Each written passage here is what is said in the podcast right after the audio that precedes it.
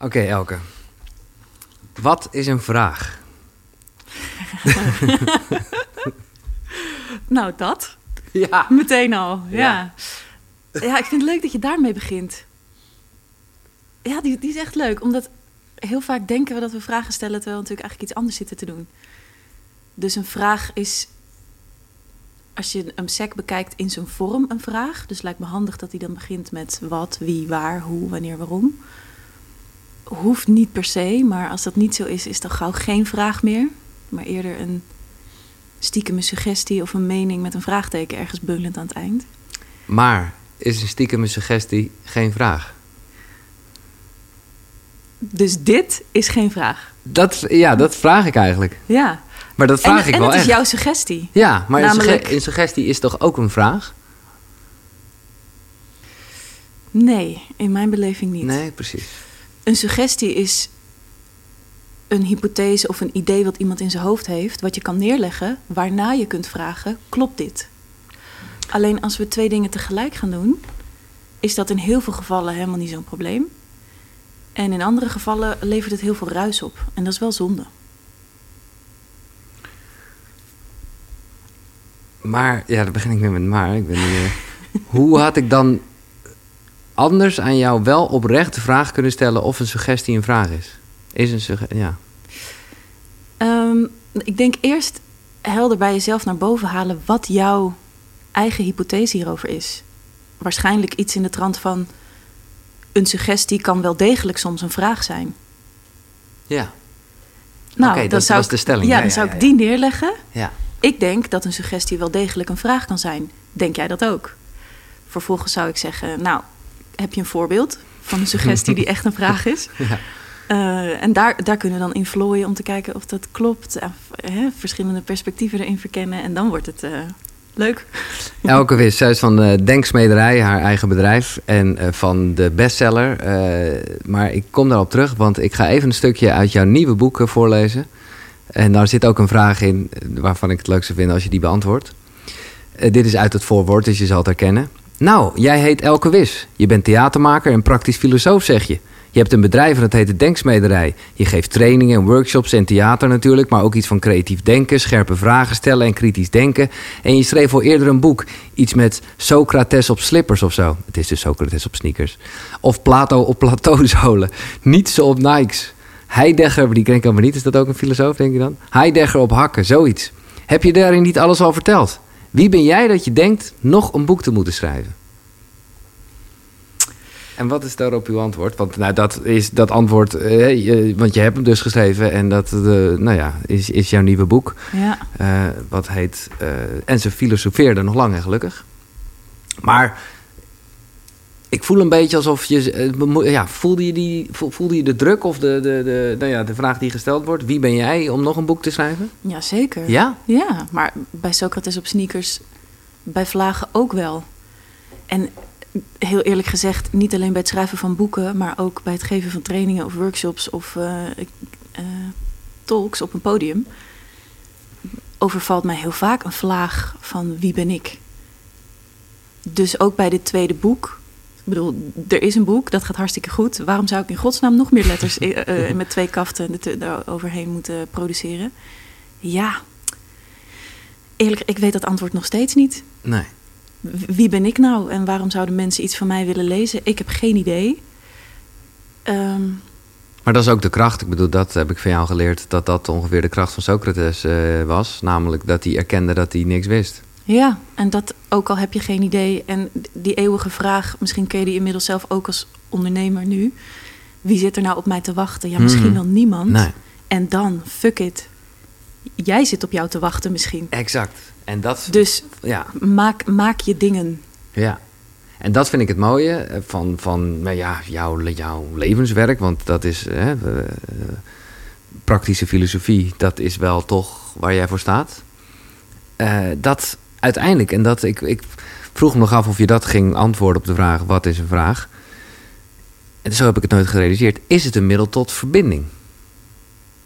Ja, absoluut. Ja, iemand zei laatst van de werkelijke antwoorden, de inzichten, de, de verbinding ligt aan de overkant van de vraag. Maar die vraag stellen we heel vaak niet uit angst of uit ongemak of ja, honderd redenen. Maar ik, heb, je, heb je wel eens een vraag gehad van iemand waarvan je toen diegene hem stelde, dat je echt even stil bleef en dacht: wow, hier heb ik nog nooit zo over nagedacht? Oh ja. Welke, volgens mij komt een concreet moment nee, bij Oh nee, nee, dat niet. Nee, want ik dacht dat je een ander aanloopje nam. Uh, daar moet ik dan even over nadenken. Maar dat ik door de vraag al eigenlijk anders ging denken. Dat is wat jij zegt, hè? Ik vind dat lastig, omdat ik niet... Ik, het is niet dat ik... Dat weet ik niet, omdat ik niet zozeer bijhoud wanneer iets een vraag is of niet. Ja. Maar, ik maar het moment ken je. Het moment. Oh, kijk, even. aan tafel, precies hier, dat is wat er in deze gesprekken moet gebeuren. Dat, dat gaat over het, het, ja, het verkrijgen van inzichten van iemand anders. Ja. ja, en volgens mij komen we daar dus heel vaak door een vraag. Ja. En door dat beter te doen, komen we daar ook sneller en effectiever en meer. Voordat mensen, want dan ga ik gewoon een beetje jouw boek uh, volgorde aanhouden van Socrates op sneakers. want ik kan me voorstellen dat er genoeg mensen denken: oh nee, maar in vragen ben ik heel goed. Om eerlijk te zijn, dacht ik dat zelf ook wel. Want ja, ik heb deze podcast en zo. En toen dacht ik toch ineens: oh nee, uh, wij zijn helemaal niet zo goed in het stellen van vragen. Uh, waarom niet? Nou, omdat we er bang voor zijn. Omdat we helemaal niet objectief zijn. Nou, daarvan durf ik wel te zeggen dat ik me. Nou, dat ik dat wat minder heb. Maar vooral ook. En dat is uh, een hele krachtige, en er zijn nog wat andere punten. Maar dat het biologisch gezien. worden wij niet vrolijk van vragen stellen. Nee, we worden heel vrolijk van over onszelf ouwe hoeren. ja. Dat vond ik best wel deprimerend nieuws eigenlijk. Ja. Maar ook echt dus hè, dat, je, dat je dopamine krijgt. Nou, dat is een stofje wat vaak behandeld is hier. En gelukkig kan je het ook wel krijgen van goede dingen. Maar je krijgt het in ieder geval zeker van nou ja, eh, slechte dingen als, als drugs en vet eten of weet ik wat. Ja. Maar kan je dat, ja, is dat, ja, dat, dat, ik vraag het niet aan een bioloog, weet ik, maar is dat niet te turnen? Nou, in essentie denk ik niet, want het heeft ook een hele sterke sociale functie. Op het moment dat je over jezelf praat en daar gelukkig van wordt, ga je het dus ook vaak doen. Waarbij je vanuit de evolutie, zo hebben ze hem verklaard, aan de ander laat zien: ik ben veilig, ik ben oké. Mhm. Nou, de ander vertelt ook over zichzelf, wordt er ook gelukkig van. Dus je bent de hele tijd aan elkaar aan het uitzenden: ik ben oké, ik ben veilig. Alleen nu, zoveel jaren later, nadat we dat uh, zo hard nodig hadden, willen we misschien ook andere dingen hebben we denk ik in deze maatschappij heel veel moeilijke gesprekken te voeren. Waar je niet komt met alleen maar een dopamine shotje van over jezelf kletsen. En dan is het toch handig als je andere kleuren op je palet hebt, om het zo maar te zeggen. Zitten we in een goede tijd? Hmm. Ja, goede, goede tijd qua. ja. Qua wat dan, hè? Ja, nee, dat ehm. snap ik. Maar ik bedoel, uh, nou ja, uh, qua. Uh, ja, dat we dingen van elkaar willen weten? Nee.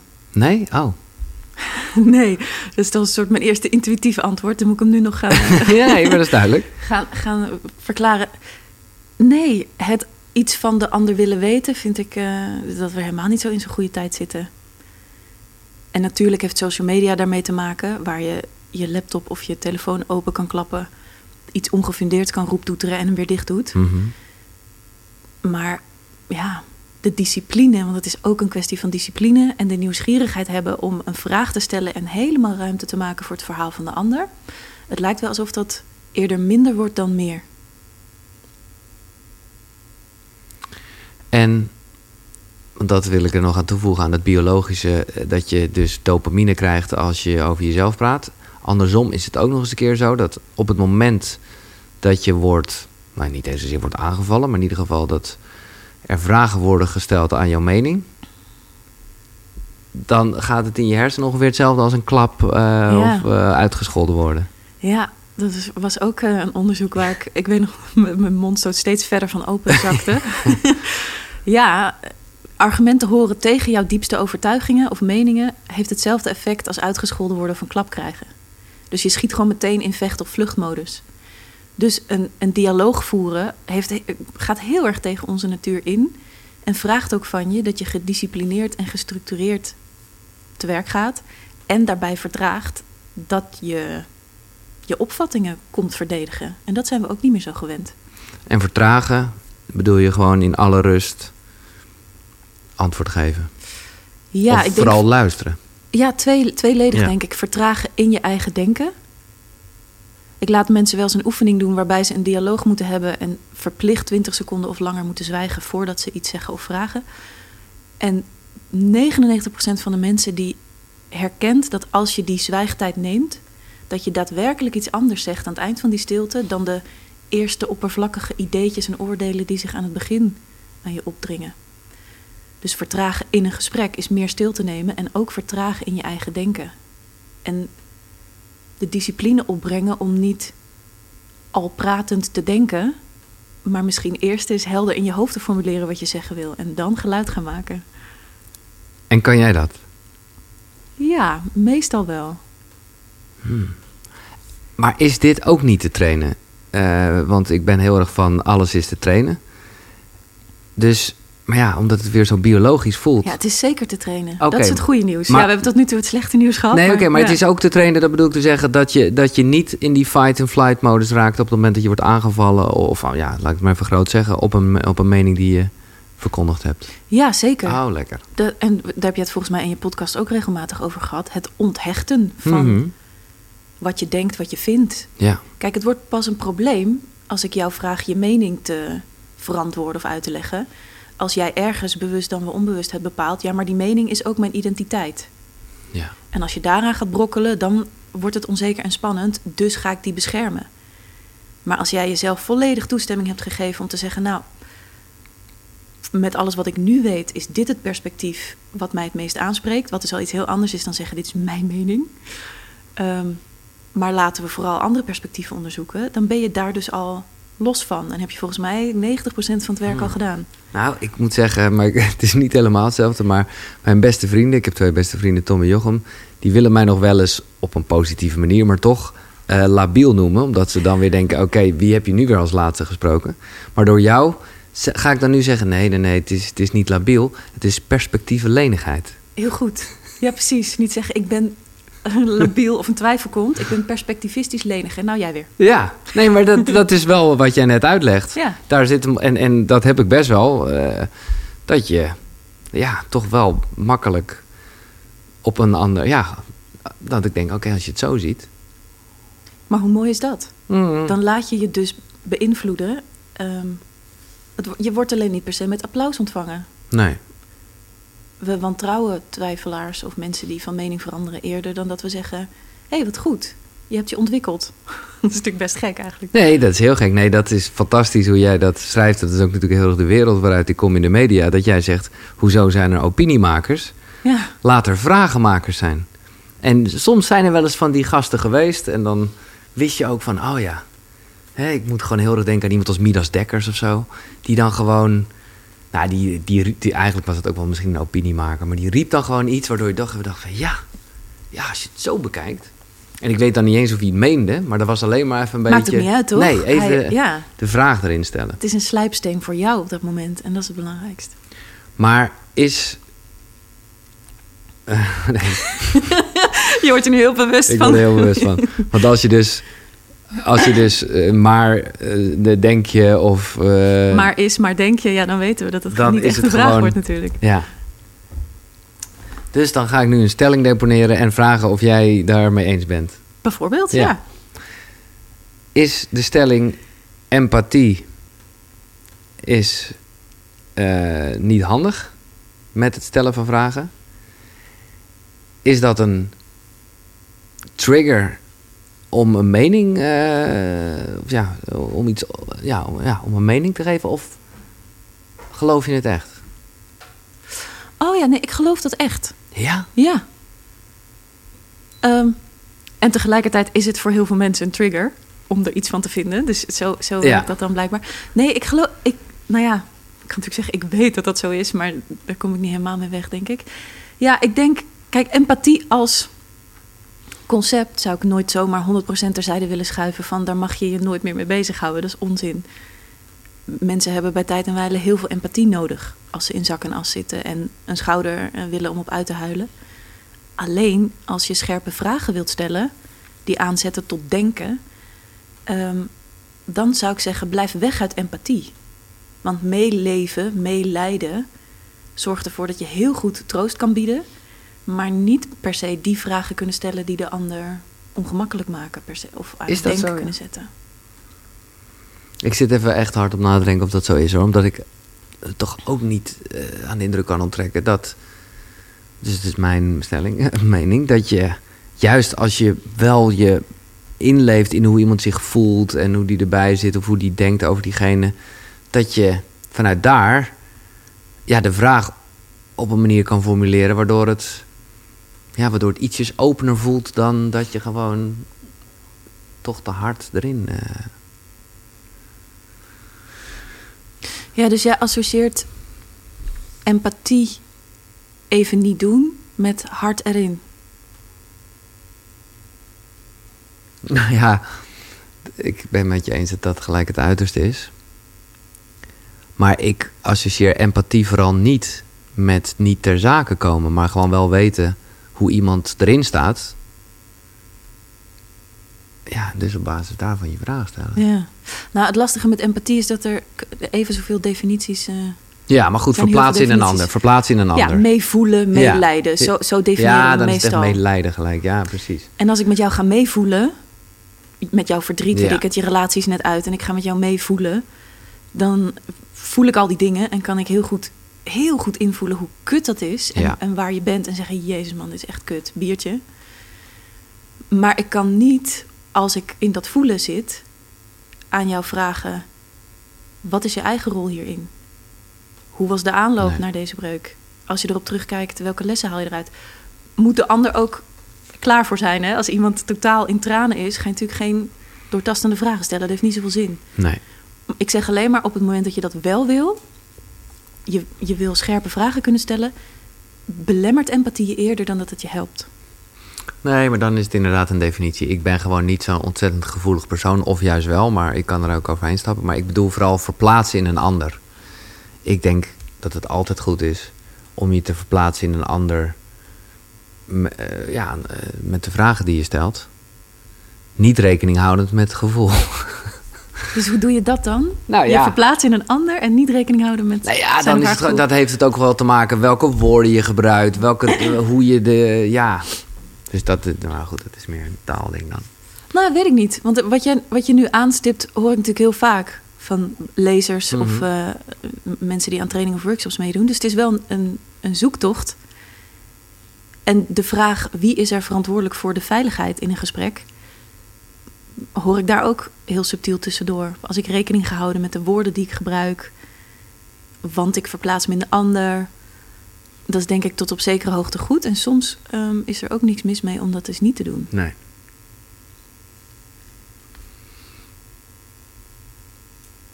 Ja, nee, oké, laten we hier. Nee, maar ik denk dat je altijd aanpast aan je gesprekspartner.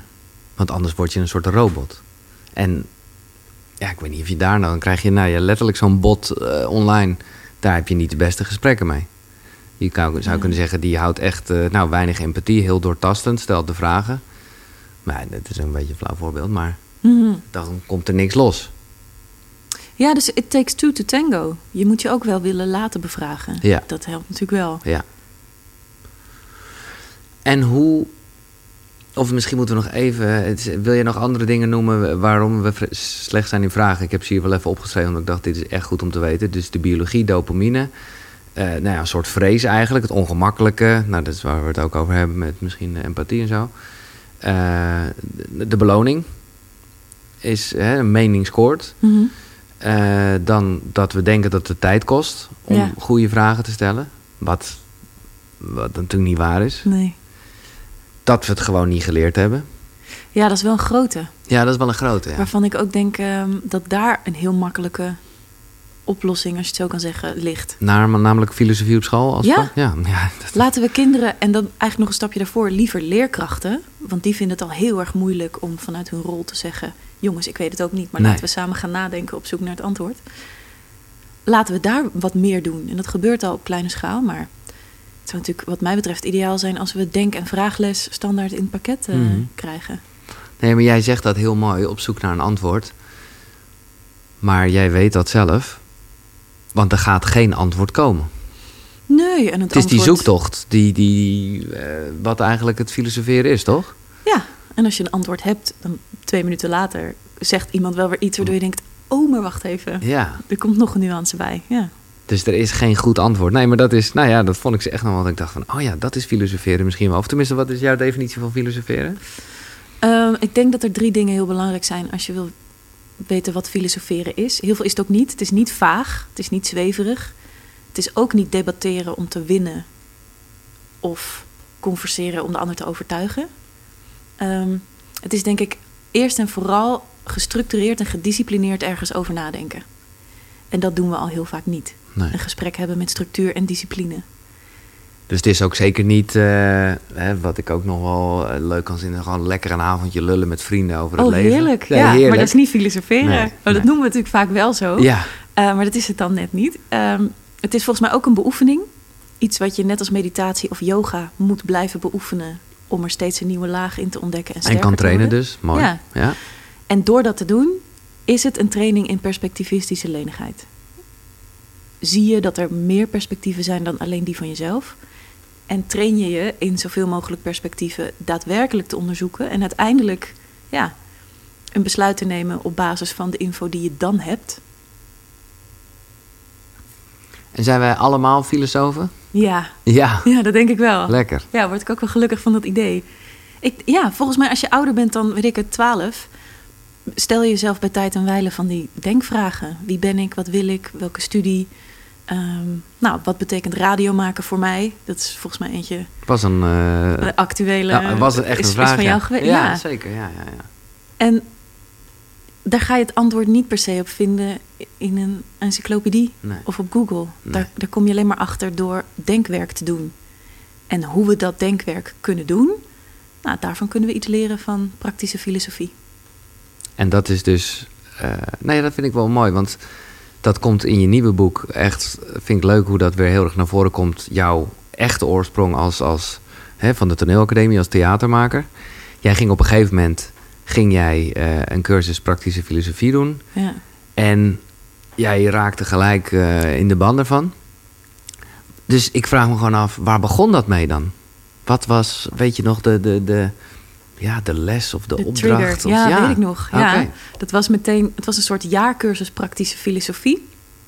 Wist ik veel. Ik dacht tot dan nog praktische filosofie, weet ik het. Ik had bij coachingopleidingen gekeken, dat was dan ook net niet. En ik ging daar zo zitten in een klasje, echt met tafels achter elkaar. Was weer helemaal back to high Echt een school. klasje, ja, oké. Ja, met een, met een juf. Eh, en ik sloeg de map open en daar stond iets wat, wat heette Socrates en Socratisch gesprek. Wist ik veel, iets met een methode. Het klonk me allemaal nog vrij moeilijk en ingewikkeld in de oren. En aan het eind van die eerste lesdag deden we daadwerkelijk een Socratisch gesprek. Waren een paar observanten en een paar mensen die het gesprek voerden. Nou, en inderdaad, na een half uur was ik om. Omdat ik zag vanuit die structuur en discipline en echt de vraag willen aangaan en niet eromheen wauwelen en gewoon de bullshit radar aan. Mhm. Oprecht nieuwsgierig zijn naar, maar wat bedoel je nou precies als je ik zegt? En hoe heeft dat verband met ei, wat je tien minuten geleden zei? En echt willen vlooien. Dat ik dacht, ja, maar hier moeten heel veel meer mensen van weten. Hoe kan het dat we dit niet, eh, dat dit niet algemeen is? En dus ook de hele tijd de vraag stellen, tenminste dat eh, heb ik er een beetje uit gedestilleerd. Zou het ook anders kunnen zijn? Ja, het, het begint bij de vraag, klopt dit? Ja. Is dit waar? Uiteindelijk gaat filosoferen over een soort zoektocht naar waarheid en wijsheid. Wat dat dan ook is. Ehm, dus is dit waar wat ik hier zeg? En dus helemaal niet, wat vind ik ervan? Alsjeblieft niet zeggen. Nee, nee, maar goed, dat is... Kijk, nee, maar dat is een groot onderscheid. Ja. Ja, maar goed, eh, en dat, dat vind ik ook wel confronterend, omdat ja, dat is toch wel eh, wat ik als ik naar mezelf kijk, en ik denk toch heel veel andere mensen, dat je op die manier vaak aan het luisteren bent van ben ik het hiermee eens? Ja. En wat vind je er confronterend aan? Nou, dat ik daarvan baal. Waarom Dat ik baal je dat- ervan? Nou, omdat ik liever zo open zou staan en bij alles alleen maar zou denken, is dit waar of kan het ook anders zijn? Dat, dat klinkt veel meer open-minded. Ja. Mm, Is het denk ik ook. Ja, nee, dus daarom Ja. baal ik ervan. Je baalt ervan dat je daar nog niet bent. Ja, Ja, des te leuker toch? Nee, er ligt er nog een hele leerweg nee, voor dat je. klopt. Dat klopt. Dat, eh, dat, dat triggert ook zeker. Ehm, maar het is me toch niet helemaal duidelijk, tenminste een beetje. Maar de, de- weet, je nog iets concreter wat je dan zo raakte? Of het was gewoon een heel intens gesprek of zo die eerste keer? Ehm, ja, ik weet nog wel. Bij een Socratisch gesprek staat altijd één filosofische vraag centraal. En daarbij één concreet gebe- gebeurtenis van een van de deelnemers. En de vraag was iets van: Is de liefde voor je kind onvoorwaardelijk? Hmm. En er was één vrouw die zei: Ja hoor, de liefde voor mijn kinderen, ze had een tweeling, is onvoorwaardelijk. Nou, daar had ze een, een verhaal bij over hoe haar kinderen, weet ik het, iets deden. En ze voelde zoveel liefde en ja, onvoorwaardelijk. En door vragen van de mededeelnemers en de gespreksleider was zij eigenlijk binnen drie kwartier hoorde ik haar. Ze was echt aan het worstelen. En op een gegeven moment vroeg iemand: stel dat een van jouw kinderen een moord pleegt, bewust, gepland. Is de liefde dan nog steeds onvoorwaardelijk? En wat er daar bij haar gebeurde, gebeurt bij ons heel vaak. Dat, het was haar oprechte overtuiging. Nee, de liefde voor mijn kinderen is onvoorwaardelijk. Dat mag je niet aankomen. Dus ze duwde die vraag ook eerst weg. Ehm, van nee, maar dat, dat blijft dan. Nee, die liefde blijft dan. Toen al naar de rest kijken van volgende, want hier wil ik niet aan. Hmm. En toen stelde iemand die vraag nog een keer, gewoon heel geduldig, stelt je echt even voor. En toen zag je, ze was echt drie minuten stil en je zag de radertjes bewegen. En uiteindelijk kon ze niet anders dan zeggen: Nee, als dat daadwerkelijk gebeurt, moet ik toch toegeven dat dat toch verschuift.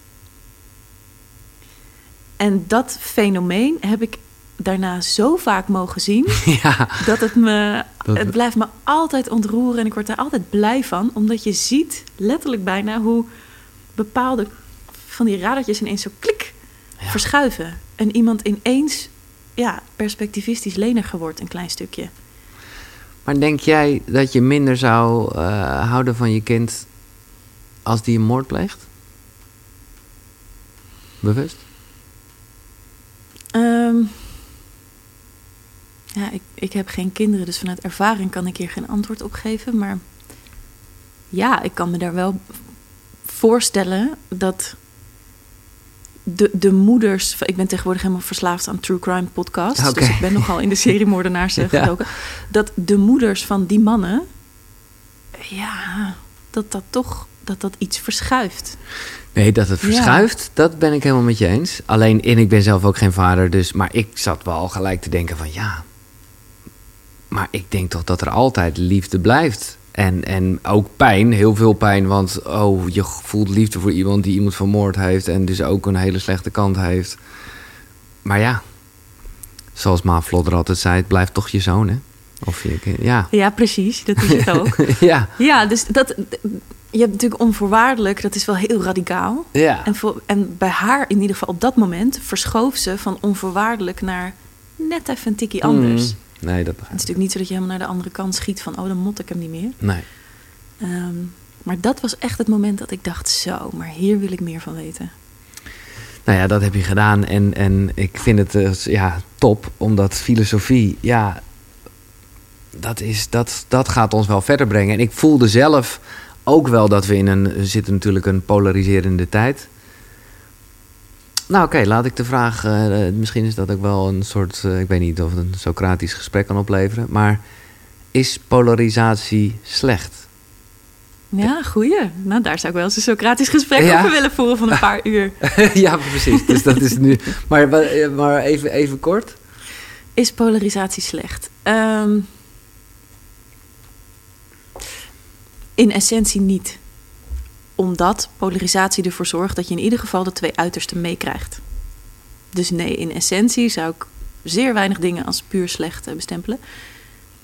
Kleine nuance daarachteraan is natuurlijk dat de valkuil is dat je in die twee uitersten blijft hangen. En dat je het gevoel hebt dat je dus het een of de ander moet kiezen.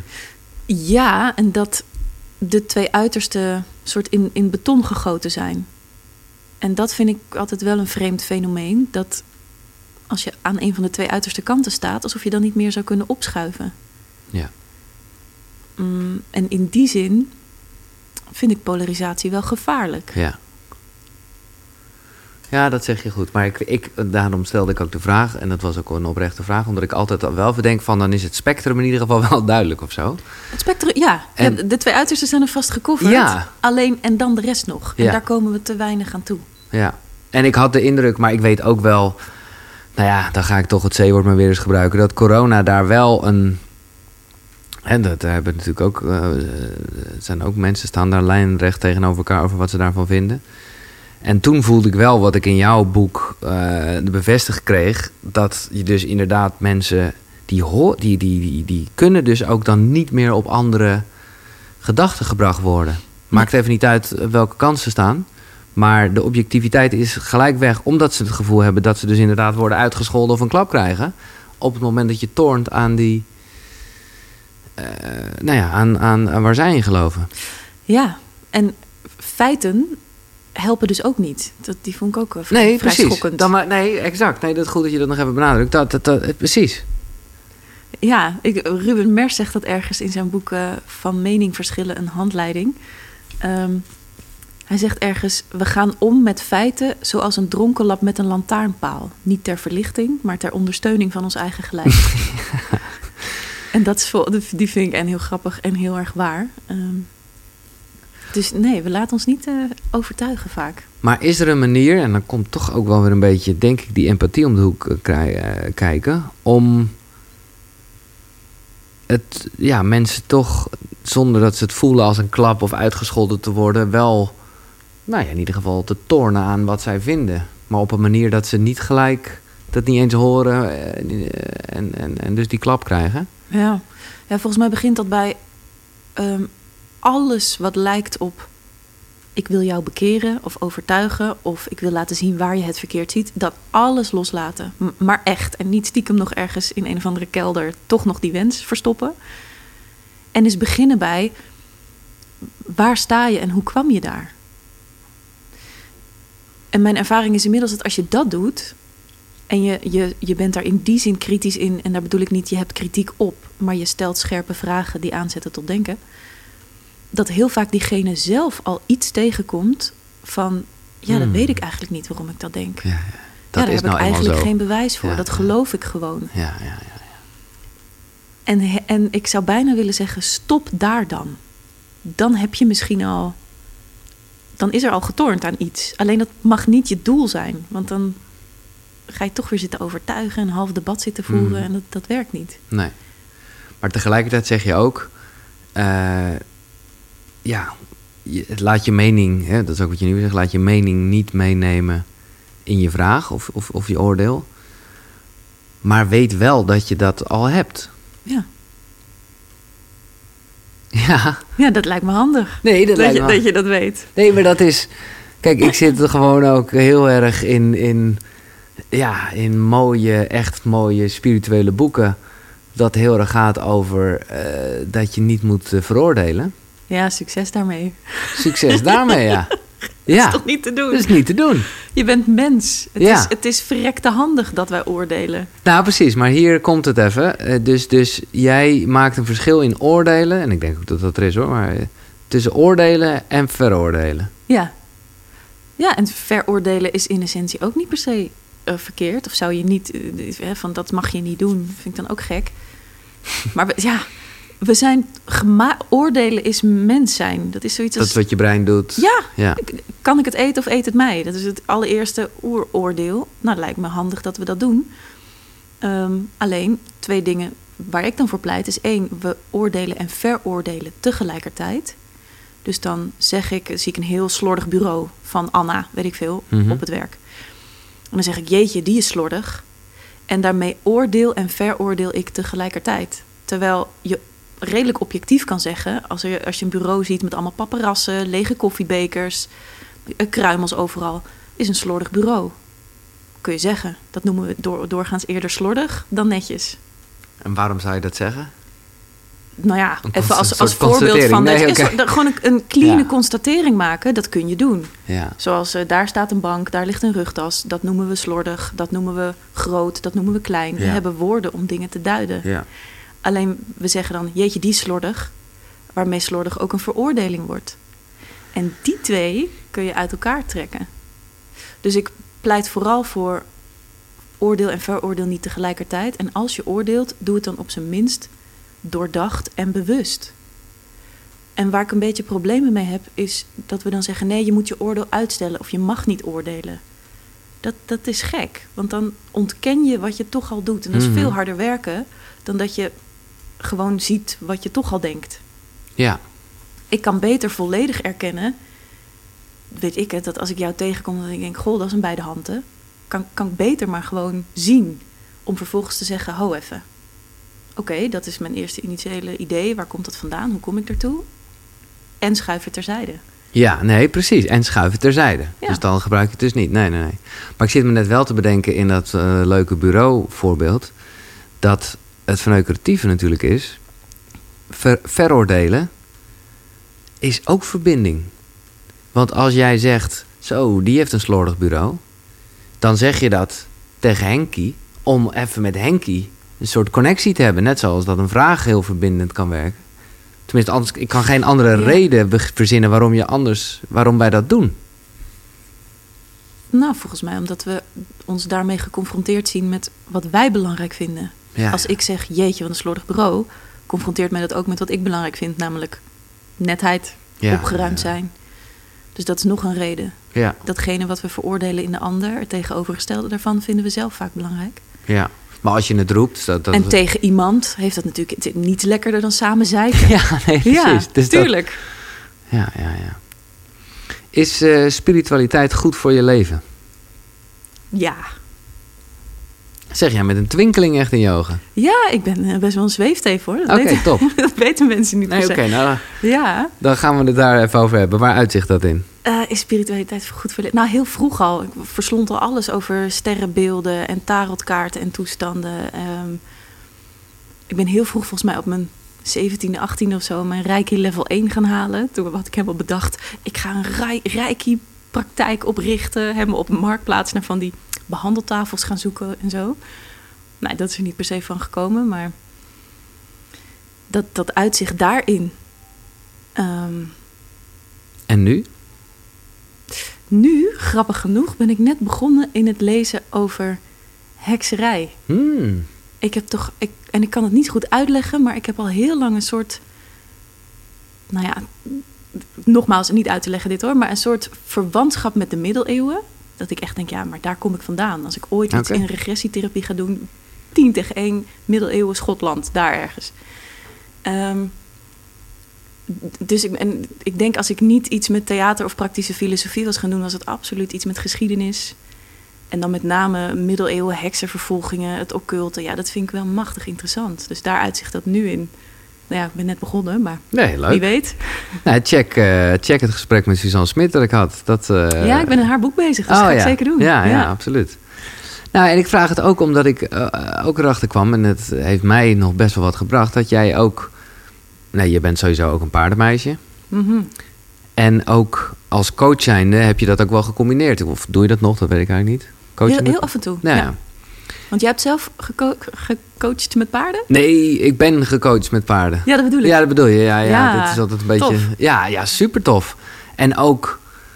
Ja, weet je wel... eh, ja, eh, ja, tegen dieren kan je gewoon niet liegen. Is ook al een spirituele ervaring in zichzelf, toch? Nou, vond ik wel, ja. Ja. Absoluut. Omdat je dan op het moment dat toch even je state of mind anders is... dat ineens een paard wel doet wat je van hem vraagt. Terwijl, ja, feitelijk gezien doe je dezelfde handeling... en doe je hetzelfde schopje. Mooi, of het, ik Ja. denk, maar als je het zelf niet echt voelt... en er niet echt overtuigd in bent... ja, dan blijft Ja. dat paard staan... of gaat die juist precies iets anders doen. Ja. ja, dus daar uit het zich ook in. Samen zijn met dieren, in mijn geval paarden en honden. Ehm, en als mensen willen daar een sessie mee doen. En dat, nou ja, de, moet, de eerste sessie moet nog komen waarbij ik niet stiekem eh sta te huilen ergens op een Ja? moment. Ja, ja, dat is zo gaaf. Anekdote, vind je dat leuk? Ja, vind ik leuk. Eh, dat was echt al jaren geleden hoor. Werd, werden wij ingehuurd, ik en mijn ex-vriend toen nog met onze ponies. Ze zijn niet zo groot. Oh, oké, dus het is van ook die niet zo- Shetland eh, dingen. Nou, IJslanders. Oh, dus het een soort Shetland plus. Ja, ja, Shetland, oké. maar dan iets hoger. Ja.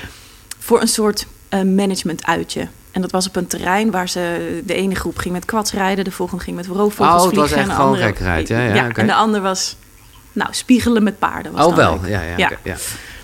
En we hadden onze ponies mee. En eh, het was, ik weet nog, het was een automonteurbedrijf. Dus allemaal mannen aan de rand. En op een gegeven moment kun je, word je zelf natuurlijk ook wel hypergevoelig voor energieën van mensen of types of patronen in groepen. En het was al binnen één minuut duidelijk dat er was eentje, de baas, de manager, die stond grappen te maken. En was, hé hey Henk, hé hey Henk. En er stond er eentje een beetje buitenaf. Zo'n beetje lange slungel. Ik dacht, oké, zo zit het hier blijkbaar ongeveer in elkaar. Dus ik vroeg aan de groep, nou, wie van jullie wil als eerste eh is contact maken met het paard? Zo super laagdrempelig. Ze mochten contact maken op hun manier. Nou, er werd dan meteen gewezen naar de baas, naar Henkie. Henk, dus die, hoppa, die klom zo de, de, de ring in. En Henkie klom de ring in. En dat paard stond aan het enige grasprietje te knabbelen wat er nog te vinden was. Die keek op naar Henkie. En die ging drie meter verder op een ander denkbeeldig grasprietje knabbelen. Dus hij werd al een beetje zo gegniffeld. En Henkie die dacht zo, ik zal het, er niet, het zal me niet gebeuren dat die pony niet doet wat ik wil. Dus die met grote passen zo op die pony af en op twee meter afstand. Pony hoofd omhoog en weer twee meter verder knabbelen aan een grasprietje. En dat voltrok zich zo drie keer totdat Henkie pissig werd. En die banje er helemaal stevig op dat beest af en greep hem zo bij de manen. Bam. Ja. Paard trok zich los, hobbelde weer een stukje verder. Dus er was niks van contact. En het was daar de setting niet naar, want het was een teamuitje. Maar in een diepgaandere coaching kun je natuurlijk heel goed dynamieken zien. Want dit is wat je ook doet met mensen. Mhm. Je, je moet het in die ring doen met wat je te doen hebt. En op een gegeven moment zei ik, nou, wil er nog iemand? En er was hè, het lulletje rozenwater dat een beetje afzijdig stond. Die stak zo heel voorzichtig zijn hand op. En die zei, nou, ik wil wel, maar ik vind het een beetje spannend. Dus jij moet in de buurt blijven. Dus ik zei, nou, oké, is goed. Blijf in de buurt. Hij klimt die ring in. Gaat ergens zo aan de rand staan wachten. En binnen één minuut had hij alle drie die paarden zo Oh. in zijn achterzak. En je hoorde de, de, de, zijn collega's echt zo van gniffelen naar... Ja. Oh my god, ja. Shit. Oh, daar krijg ik dus ook echt tranen van in mijn ogen. Dit is zo mooi. Ja, en, en ik voelde ook aan die man dat hij echt... de- hij vond het heel spannend, maar ook een soort... Oh, oh, huh? En dat de rest van die groep ook zoiets had van... Oh, wacht even. Ja. Oh, wacht even. Dus hij, was, hij viel zo samen met zichzelf. Hij was zo... Ik vind dit spannend, maar we zien wel wat er gebeurt. Ja. Terwijl manager Henky, die dacht... Ik zal jou eens even. Nou, Ja. dat, moet je, dat krijg je glashard terug. Ja, dit is weer zo'n mooie moraal. Dus gewoon wees hoe je je voelt. Erken wat er is. Ja. En eh, dat vind ik moeilijk aan mensen. Wij kunnen ontkennen wat er is met onze woorden. En paarden die prikken daar feilloos doorheen. Joh. Daar heb je geen reet aan aan die woorden. Dat is gewoon... Oh, zo zit jij in elkaar. Nou, hier heb je het, alsjeblieft. En waar komt dat vandaan bij jou? Als je ook zegt van vroeger met kaarten en zo, dat voelt dan toch als nieuwsgierigheid, maar misschien ook wel, nou ja, een vlucht. Ik weet het niet. Vlucht van wat? Ja, van een soort werkelijkheid waar je misschien niet in kon aarden, van een soort harde Oh, wereld. Ja. ja, oh, als je hem zo, zo zegt, ja, die, die resoneert ook wel hoor. Oké. Ja, mijn moeder die, heeft, die vertelt wel een anekdote. Ik zat op scouting toen ik een jaar of twaalf was. En ehm daar hadden we één keer per jaar zo'n kamp. Ja, zeker. Ik heb ook op de scouting gezeten. Superleuk. Ja, Kamp. superleuk. Ik vond het afschuwelijk. Oh, je vond het niet Ja, leuk. En iedere jaar ver- verzonden ze dan iets ludieks. En één jaar werd de hele groep opgehaald met een brandweerauto. En mijn moeder vertelt dan, nou, al die kinderen helemaal uitzinnig, brandweerauto, wow. Er was één meisje, dat zat te lezen in een boek. Ergens in een hoekje. Eh, nou, dat meisje was ik dan. ja. Dus ik werd ook al wel een beetje bestempeld als dromer. Een beetje afzijdig. Eh, ik heb me ook altijd wel een buitenbeentje gevoeld, denk ik. Maar ik weet niet wat oorzaak en gevolg is, hoor. Nee. Misschien was ik een buitenbeentje en trok ik daardoor naar een soort droomwereld. Ja. Of maakte ik kennis met die droomwereld en werd ik een buitenbeentje. Ik heb geen idee. Je be- je hebt blijkbaar ook niet de behoefte om daar heel diep, eh, want het is geen probleem. Nou, ik.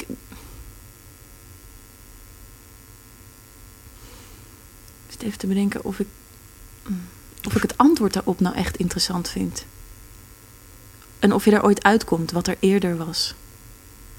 De eerste herinnering die ik heb aan iets wat spiritueel mag heten, is een oude buurvrouw van mij die duwde me een boekje in mijn handen. En ik was dan, denk ik, acht, negen, tien misschien.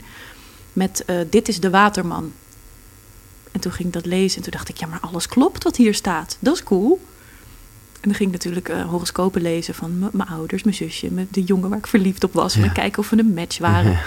Ehm, maar dat was tegelijkertijd met dat hele buitenbeentje dromen verhaal. Dus ja, ik vind denk ik niet zo spannend Nee. om er een diagnose op te stellen. Nee, maar ik vind het wel leuk om te horen dat dat dus wel degelijk een... eh, nou ja, Een kant is. Een kant is, ja, precies. Ja. En, en nou ja, dan laat ik hem gelijk doorpazen naar een vraag die ik altijd stel, waarbij ik nog dacht, ja, misschien is dat nu helemaal niet interessant.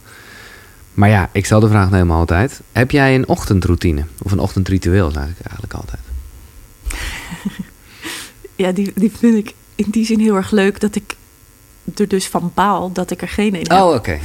En dat ik vind dat ik er een zou moeten hebben. Nou, dat is weer, hoezo vind je dat? Ja, stom hè?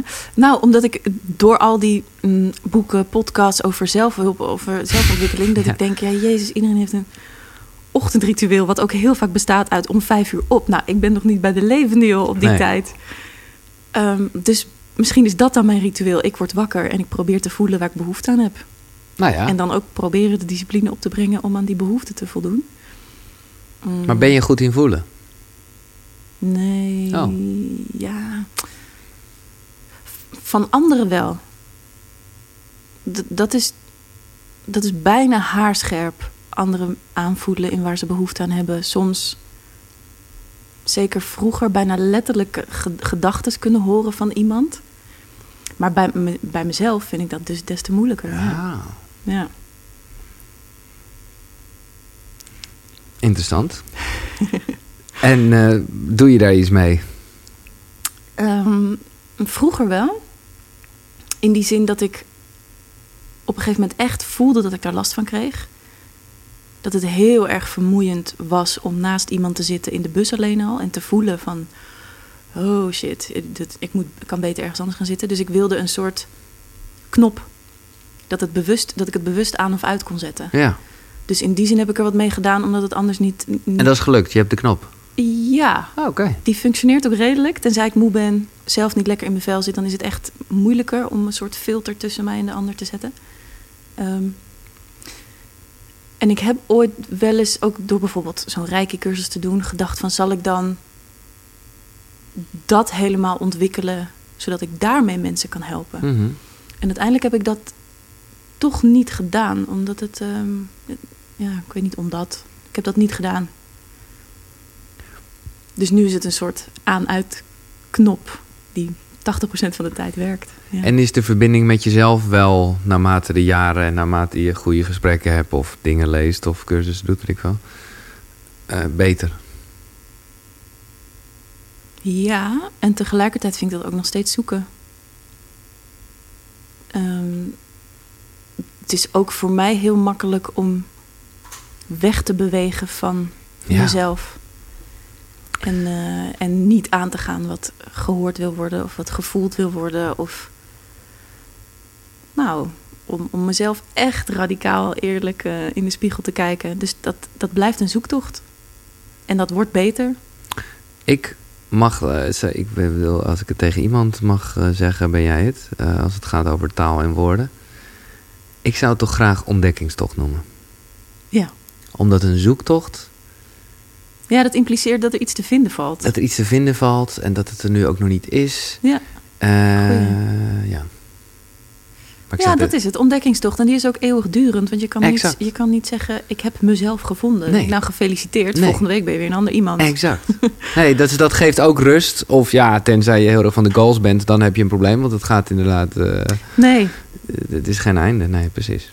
nee, dat vind ik er dus ook zo mooi aan, dat cyclische. Iedere keer als je denkt dat je er bent, blijkt er nog een heuvel achter te liggen. En dan ga je die beklimmen en dan denk je, oh verrek, er is nog een vallei. Hop, en weer door. Terwijl ik vroeger, dat weet ik nog wel, als tiener dacht ik echt, nou, als ik straks 18 ben, dan weet ik het. Ja, precies. Toen was ik 18. Toen dacht ik, nou, als ik 25 word, overhandigt iemand mij dat handboek van Ja. het leven, waarvan ik echt overtuigd ben dat het bestaat. Nou, ik ben nu 35 en het is er niet. Nee. En, en je daarmee verzoenen. En ook loswrikken van het idee dat het zou bestaan. Of van ideeën van andere mensen over wie jij bent en zou moeten, moeten zijn. Ja, ik heb ook wel heel veel met dat idee van misschien gaat het leven niet om worden wie je bent, maar om je ontdoen van alles wat je niet bent. Dat is volgens mij. eh, Beeldhouden, de, zoals beeldhouwers werken. ja, Ja, ja, ja. het er omheen wegkappen. ja. Mooi. Ja, en dat is volgens mij eh drie kwart van het werk. Ik ben benieuwd, zeker met deze achtergrond, uh, naar de drie boeken die je mee hebt genomen. Want zoals altijd uh, stel ik aan de gast de vraag: nou ja, welke drie boeken hebben jou geholpen op je reis? Ja. En nou ja, ik denk wel dat het een soort van stoïcisme-achtig iets in zit, of niet? Um, nou ja, nee, dus ja, ik, het, het verborgen denk ik wel. Niet, niet expliciet hoor. Nee, oké. Uh, ik had heel sterk bedacht om uh, een ongewoon gesprek met God mee te nemen. Ja, Die dat- is ons allen inmiddels wel bekend. Ja, nou ja, soort, dat, eh, dat weet ik niet hoor. Dus leg vooral uit wat het voor jou betekent en waarom je het zo Ja, een ongewoon gesprek met God is, is echt mijn bijbel. Oké, Niet, als in dat je dat ook nog wel eens leest. Ehm, ik probeer dat bij tijd en wijle te herlezen of stukjes. Oké. Maar ik word wel blij van het idee, van- en dat is ook heel erg Sartre bijvoorbeeld, had ik ook vanaf jonge leeftijd al wat mee. Heel erg van, nou, hier ben je. Je, je bent hier om te scheppen. Ja. Jezelf en je leven te scheppen. Ja. Succes daarmee. Ja. Ja. ja, mooi. Ehm, en dat geeft een eh, radicale vrijheid en tegelijkertijd soms een beangstigende verantwoordelijkheid. En die heb je maar aan te gaan. Uiteindelijk heb ik hem niet meegenomen. Ik Oh. dacht, ik neem drie andere boeken ja, mee. Namelijk Big Magic van Elizabeth Gilbert. Die wij misschien wel kennen van eh, Eat, Pray, Love. Ah ja. De film en het boek. Ja? En in Big Magic, de ondertitel is ook Creative Living Beyond Fear. En daarbij heeft het eigenlijk over hetzelfde. Namelijk, je bent een creatief wezen. Of dat nou gaat over dat je graag kookt, of dat je schilderijen maakt, of muziek, of een podcast. Maakt niet uit wat, maar je, je creëert dingen. En heel vaak creëren we dingen niet omdat we bang zijn voor onszelf of reacties van anderen. Meningen. Ja, ja. En zij beschrijft eigenlijk nou ja, vanuit allerlei gaten en hoeken hoe je creatief kunt leven zonder iets aan te trekken van Oh. Wat andere mensen daar dan mogelijk van vinden. Oh. Dus echt, ehm, en met, dat doet zij op haar manier met heel veel humor. En En wij- kan je één lesje delen wat je zo... eh, Ja, zal ik een stukje ah, voorlezen? Ja, ja, top. Is het Engels? Ja. Wil je, Mag wil je- dat? nou ja, mag, maar als Oh je, het is heel moeilijk, maar ik zou toch willen vragen of je het al vertalend kan lezen. Al vertalend. Ehm, ja, ze heeft bijvoorbeeld een stukje over als je iets maakt, dat het kan gebeuren dat mensen misinterpreteren wat je maakt. En dan vertelt ze over een vrouw die naar haar toe kwam naar haar boek Eat, Pray, Love. Dat is haar, haar memoir, haar autobiografie eigenlijk. En dan zegt die vrouw, nou dankzij jouw boek heb ik de moed gevonden om mijn man te verlaten. Want dat stuk wat jij had over jouw mishandeling en over... Ja, en ze, ze schrijft dan van ja, ik zat naar die vrouw te luisteren en ik dacht, dat gebeurde niet. Het gebeurde niet in mijn leven en het gebeurde niet in mijn boek. Dus die vrouw had haar hele verhaal op dat boek geprojecteerd. Eh, waarvan ze achteraf zegt: Ja, daar heb je geen controle over. Jouw verantwoordelijkheid is dingen maken. De interpretatie, ja. De interpretatie daarvan heb je Oh, niks meer over te zeggen. Lekker. Lekker hè? Ja. En mensen gaan er toch wel mee aan de haal. En je gaat reacties krijgen van... dankjewel voor je boek, ik vond het fantastisch. Of jij moet aan de gallen geknoopt worden met wat je maakt. It's, it's their thing. En dan zegt ze ergens nog... en als mensen je van heel veel kritiek voorzien... zonder ooit zelf iets te produceren... tell them to go make their own fucking art. En ga dan glimlachend Succes. verder Ja. met, jou, met jouw kunst. Hmm. Oh, die ga ik. eh, dit dit eh, ja, klinkt als koor op mijn molen. Dat Lekker, ik, eh, hè? Ja, heerlijk. Big Magic. Oké, top. Het andere boek. Het andere boek, dat zijn er dus nog twee. Eentje heb ik op een e-reader mee. Ja. Dat is van Matt Haig, The Midnight Library. Oké. De Middernachtsbibliotheek. Heb je er wel eens van gehoord? Nee? Dat is een roman en vertrekt vanuit het uitgangspunt dat je tegelijkertijd simultaan meerdere levens zou kunnen hebben. Oh, ja. En het verhaal gaat over Nora. Nora die zit in zak en as, is haar baan kwijt, de relatie is uit, nou ja, helemaal depri. En zij besluit om uit het leven te stappen. Op het moment dat ze dat doet, komt ze terecht in een enorme bibliotheek met een bibliothecaresse. En zij zegt, hier staan eigenlijk alle levens die jij had kunnen hebben op het, als, je- als je Ah, op een bepaald ja, moment in je leven een andere keuze had gemaakt. En dan moet ze één boek uit de kast pakken en dat heet The Book of Regrets. Het boek van momenten waar je spijt van hebt. En dan krijgt ze dus de kans om door dat boek te bladeren en te zeggen: Oh, toen heb ik niet de date geaccepteerd met die ene man. Wat, hoe zou mijn leven eruit zien als ik dat Oh, toen wel wauw. had gedaan? Of toen heb ik die ene baan niet uit, aangenomen. Hoe ze, en dan kan ze dus meerdere levens proberen om te kijken welke, wat er gebeurd had kunnen zijn. Hmm. Ja, het doet me heel erg denken aan een Roy Martina, die hier ook aan tafel vertelde dat dat, dat zo werkt in het kwantumveld. Zo van het is er allemaal Ja. en je bepaalt zelf welke je. Ieder moment heb je eigenlijk een klikje Ja. om te bekijken welk, welk levenspad spring ik nu op. En als je een ander klikje maakt, veranderen al die velden eigenlijk mee. En Matt Haig heeft daar dus, vind ik, een prachtige roman over geschreven. En wat gaf jou dat? Kan je dat... eh, want blijkbaar is het niet alleen een, even een leuk verhaaltje, maar is het ook een nou, een soort geruststelling van eigenlijk wat jij net zegt. Van, nou, dat, dat werkt dus zo. Ja, Je, je hebt... ik zou er eerder ongerust van worden, omdat je gewoon denkt, elke keuze... eh, ja, Ja, nou, dat, dat wordt in het, zonder al te veel te verklappen... Ja. wordt dat in het boek ook wel duidelijk. Dat ja, het is allemaal goed. je, het is allemaal goed. Ja. En je kiest op dat moment... En hé, hey, als je terugkijkt en je wil iets anders, kies opnieuw. Ja, Zegt Neil Donald Walsh in een ongewoon gesprek. Dat Ja. natuurlijk ook de hele tijd. ja, Kies opnieuw. ja. En je hebt het vermogen om het leven te scheppen wat helemaal op maat gemaakt is voor jou. Wat anders heb je hier dan te doen? Ehm, en hoe hij dat beschrijft, ja, ik vond het een heel, heel troostrijke roman. Ja, ik moet dus zeggen, jij hebt me echt eh, met je nieuwe boek En ze filosofeerde nog lang en gelukkig echt geïnspireerd om misschien toch fictie te gaan lezen. Want jij noemt nu een roman.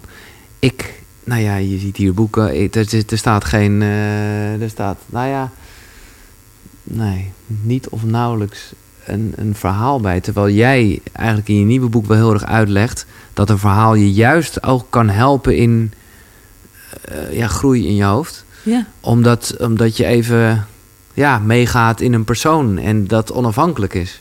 Zo had Ja. ik dat nooit gezien. Ik vond het altijd een beetje zonde van mijn tijd. Zoals ik ook denk, ja, ik kijk niet series, ik kijk liever documentaires. want documentaires zijn echt en waar en series fictief, ja? ja, ja. Even los van dat ik bedoel, ik kan best een keer een film kijken, gewoon als een soort vermaak.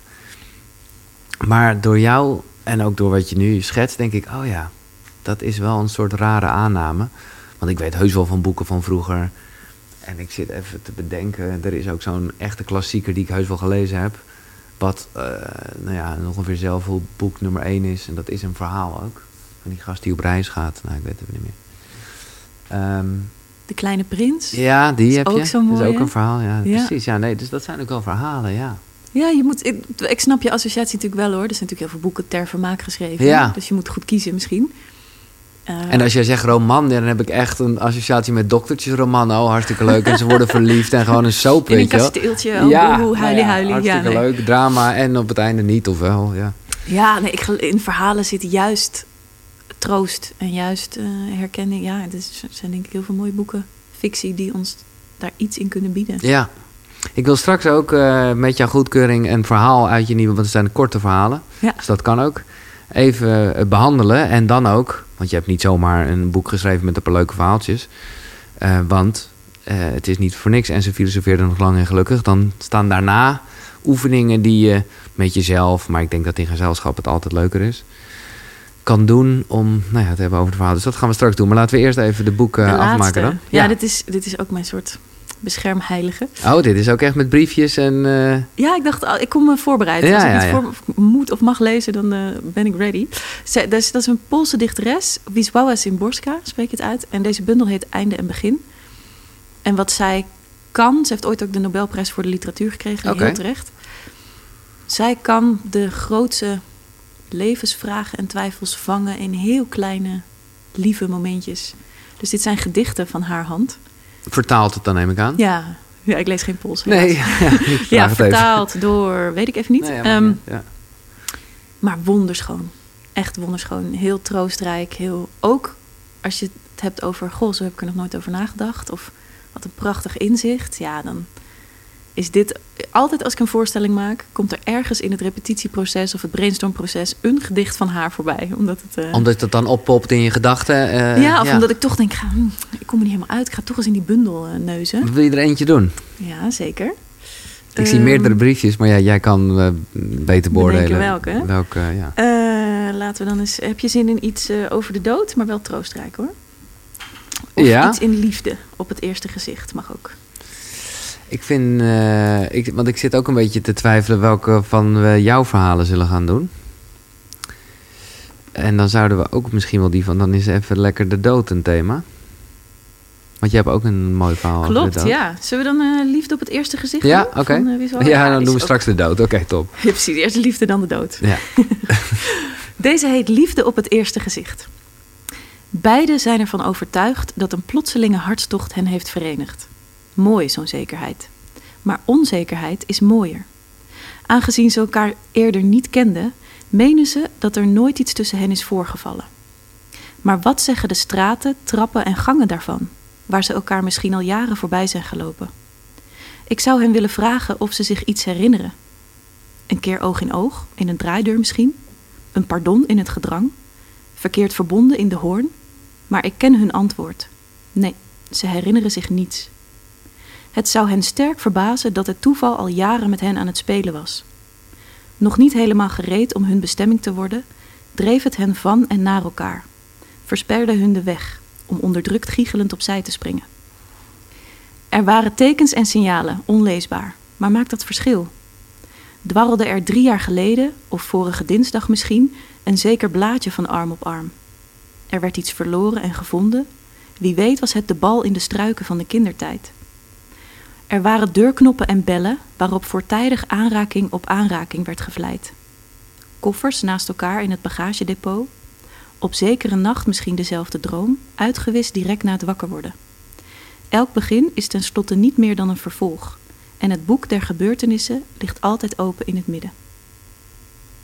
Hmm. Ja, Het boek der gebeurtenissen. ja mooi hè? Ja.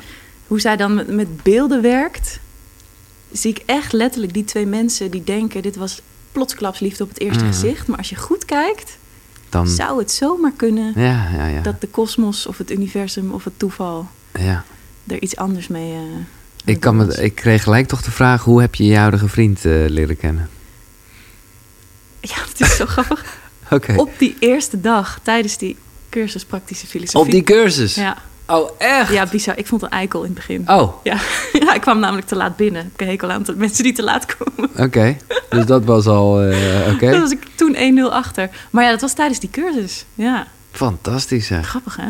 Dus, nou ja, maar dat is wel lekker. Dus, dus jullie hebben thuis. Best wel pittige gesprekken. Ja, mensen vragen wel eens aan het eind van zo'n dag... Goh, jouw vriend, hè? Ik heb, wel, heb je niet een beetje medelijden met hem... als hij dit de hele dag moet verduren? En dan zeg ik altijd, nou, hij is psycholoog. Dus hij krijgt vragen en ik krijg diagnoses de hele tijd. Ja. Dus jij komt ook nog wel eens. Ja, precies. En, maar ook gewoon dat jij thuis komt en dat hij dan gewoon alleen maar zegt: Oh, is dat echt zo? Ja. Ja. Heerlijk. Oké, en lees je veel eigenlijk? Mm, Niet zoveel als ik zou willen. Dus ik, ga daar, ik heb mezelf echt gecommitteerd aan daar meer tijd voor vrijmaken. Oké. Want ik, ik haal er wel heel veel ehm, nou, ontspanning en wijsheid uit. Ja. Nou ja, ik vind het ook mooi hoe je gewoon natuurlijk je bronnen uithaalt en zo. Wat ik ook nog even wil zeggen, is dat ik super blij ben dat jij je boek zelf hebt ingesproken. Je, Ja? je, je luisterboek. Je hebt hem geluisterd, Ja. ja. tof. En dat is dan toch echt, je hoort gewoon zo het verschil. Tussen? tussen, nou ja, goede stemmen, waar ik ook heel erg van kan houden, die gewoon heel goed een boek voorlezen.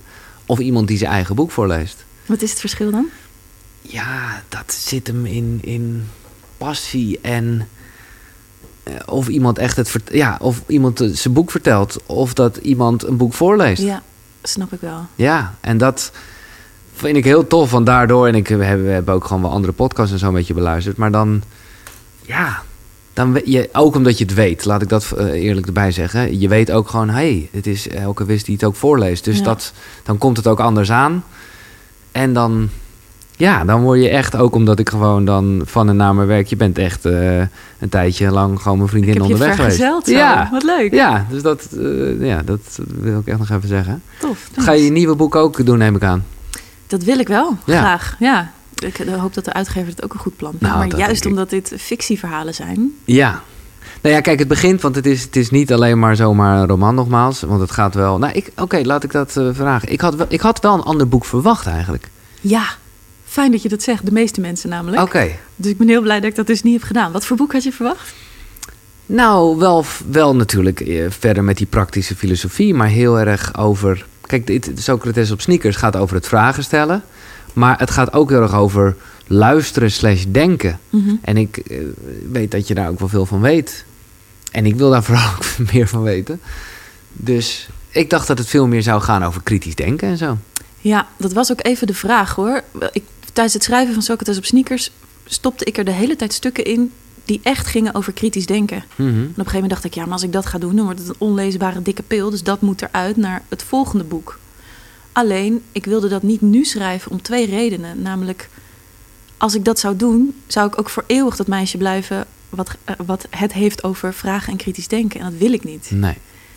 En tijdens het schrijven van Socrates op sneakers dienden deze verhalen zich aan. Dat leg je ook uit, ja, dat precies. Ja, het Ja. voelde alsof dat er eerst moest komen. Nou ja, En, ik ehm, snap het, wat ik al eerder zei. Daarin komt wel ook even de ja, toneelmaakster, zeg ik maar even, naar voren. Ja, dus ik had hier meer zin in en ik wilde mezelf niet in een hoekje zetten waar ik nooit meer uitkwam. Maar zeg ik vooral voor mezelf en mensen die er net zo in staan als ik. Je leert ook wel degelijk van het boek. Eh, want het begint ook gewoon een beetje met, met...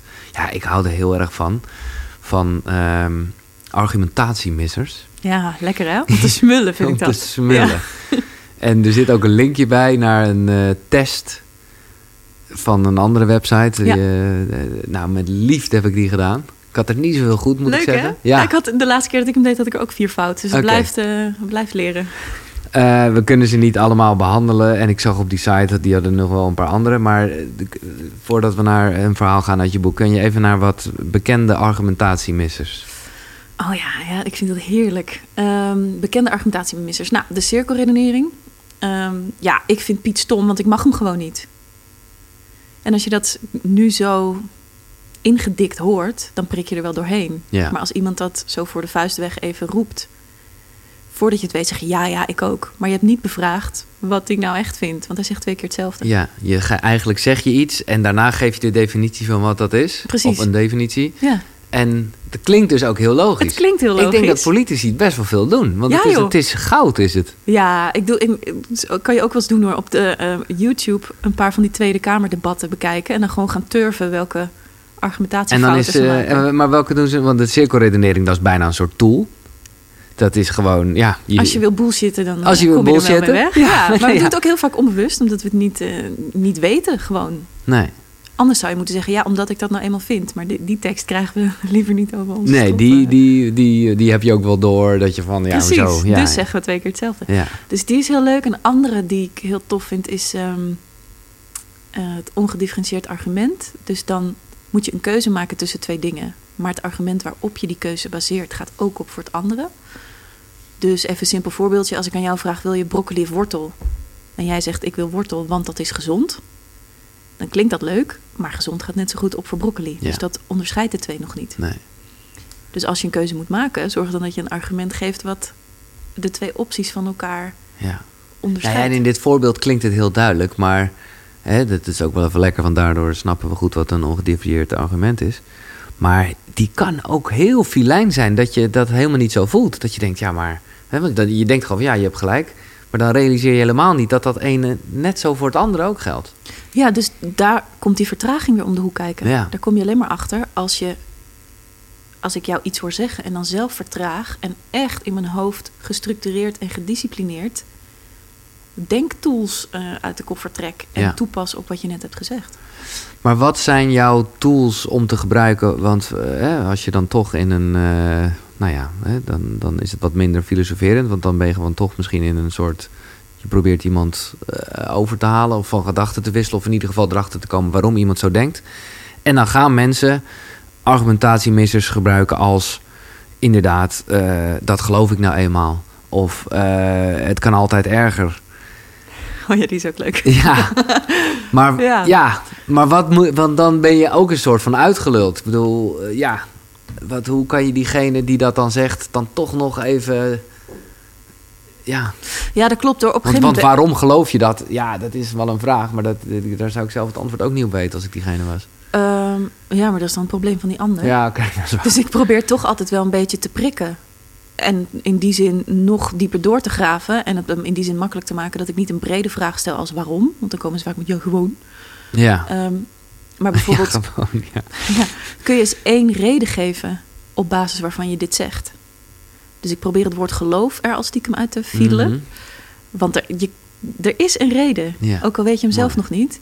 Kun je één reden of argument geven op basis waarvan je dit zegt. En als iemand zegt, nou dat weet ik niet. Heb je dan een hypothese. Wat een reden zou kunnen zijn. Hmm, ja, ja, ja. En een hele fijne denktool voor jezelf en voor anderen is als je ergens niet uitkomt, even terzijde schuiven dat het over jou gaat en bijvoorbeeld jezelf committeren aan vijf hypotheses opschrijven. Waarom geloven mensen in het algemeen dat? Nou, schrijf Mm. vijf hypotheses op. Vervolgens kun je kijken welke van deze vijf is nou op mij van toepassing. Meestal zit hij er wel bij. Ja, ja. Dus dan zoom je eigenlijk even uit om meerdere perspectieven te bedenken en vervolgens weer in te zoomen en zeggen: hé, hey, dat is de reden waarom ik zeg wat ik zeg. Ja, het is eigenlijk jammer dat de hele term uitzoomen nog helemaal niet het geval is. Eh, want eigenlijk is dat de basis van alles. Uitzoomen en onthechten, ja. Ja, ja onthechten heb jij gezegd. Ja, dat is eigenlijk bijna hetzelfde. Ja. Zullen we een, eh, Een verhaal, verhaal, doen? ja, leuk. Ja. En, en heb jij zelf een voorkeur? Je wilde iets met dood. Oh ja, om nee, maar precies. even met Oh, een vrolijke noot te eindigen. ja, precies. Nee, dan gaan we daar. Precies, dat is een goede. Het heet de lavendelvelden. En de vraag die eronder staat is: Is de dood iets om te vrezen? Er was eens een vrouw die in Frankrijk woonde. Op de top van een heuvel in een pittoresk dorpje had ze een klein huisje. Dat was gebouwd met verschillende soorten baksteen, waardoor het een vreemd en speels uiterlijk had. Het had een scheve schoorsteen met een metalen winduiltje erop en een voordeur die altijd op een kier stond. Het huisje was omgeven door lavendelvelden, zodat het er altijd naar lavendel rook. In de woonkamer, in de keuken, in het beddengoed, zelfs op de wc, overal lavendel. Zelfs de appels uit haar appelboom roken niet echt naar appel, maar naar appel met lavendel. De vrouw schreef. Elke dag schreef ze. Om twaalf uur stipt stopte ze met schrijven en maakte een wandeling door de lavendelvelden, met een stuk stokbrood en een thermoskan thee. Op maandag ging ze naar de markt en kocht ze stokbrood, peren en kaas. Op vrijdagmiddag liep ze naar het enige terras in het dorp en dronk daar een glas rode wijn en at een portie vijgen. De rest van de tijd schreef ze. Haar schrijftafel keek uit over het dal. In de verte zag ze de volgende heuvel met het volgende dorpje. Op een dag werd er op de deur geklopt.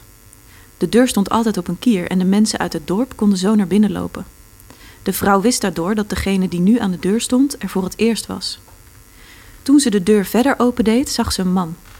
Ouder, grijzend, gekleed in een grijsachtig pak. Hij had een hoed op en droeg glimmende schoenen. Hij was vriendelijk, nog onvriendelijk. Groot, nog klein. Dik, nog dun. De man rook naar niks. Mensen ruiken altijd naar iets, maar de vrouw kon geen enkele specifieke geur bij deze man ontdekken. Hij had een gezicht dat je je nooit meer zou herinneren, tenzij je er een foto van maakte. De vrouw zou hem later in een van haar schrijfsels omschrijven als tamelijk neutraal met een zweem van rechtschapenheid. De vrouw wist wel meteen wie dit was. Deze man was bekend. Zelfs mensen die hem nooit hadden gezien wisten van zijn bestaan. Vele familieleden had hij al bezocht en zijn komst was zelden goed nieuws. Hij werd gehaat en gevreesd. Mensen waren boos op hem geweest, verontwaardigd, woedend soms. Andere keren hadden ze gezegd dat ze dankbaar waren geweest voor zijn komst. Soms kwam hij plots en moest degene bij wie hij op bezoek kwam direct mee. Dan weer kwam hij ver van tevoren om te vertellen dat het bijna zover was. Hij had een bijnaam, wist de vrouw: Hein. Nu ze hem zo zag, vond ze het eigenlijk ook wel een typische Hein. Hein was precies de goede naam voor iemand met zo'n neutraal voorkomen. Ze nodigde de man uit om binnen te komen en zette een kop thee. De man nam zijn hoed af, ging rustig op de bank zitten en keek de kamer rond. Ze vroeg of de man een goede reis had gehad. Gaat wel, zei de man. Zelfs zijn stem was vrij nietszeggend. De vrouw ging met een kop thee tegenover de man op de stoel zitten. De andere kop gaf ze aan de man. Heet u echt Hein? vroeg ze. Zo wordt u hier in het dorp vaak genoemd. Dat weet ik, zei de man. Maar zo heet ik niet echt. Meestal noemen, me, noemen ze me magere Hein. Maar echt mager ben ik niet. Hoe heet u dan? vroeg de vrouw. Hm, ik heb niet echt een naam, geloof ik, antwoordde de man. Ik noem mezelf meestal maar Hein, omdat mensen dat nu eenmaal gewend zijn. Ze zweeg een tijdje. De vrouw nam kleine slokjes van haar thee. De hittekringeltjes werden langzaam kleiner en kleiner. De vrouw vroeg nog of hij een koekje wilde. Ik eet niet, zei hij. En u drinkt ook niet? vroeg de vrouw. Nooit, zei Hein. De vrouw keek naar de hete thee op tafel. Hij had het kopje inderdaad niet aangeraakt. Is het al zover? Moet ik vandaag met u mee? vroeg de vrouw. Nee, niet nu, antwoordde Hein. Wanneer dan wel? Dat weet ik niet precies. Maar ik moest wel alvast hier naartoe, zeiden ze. Ze?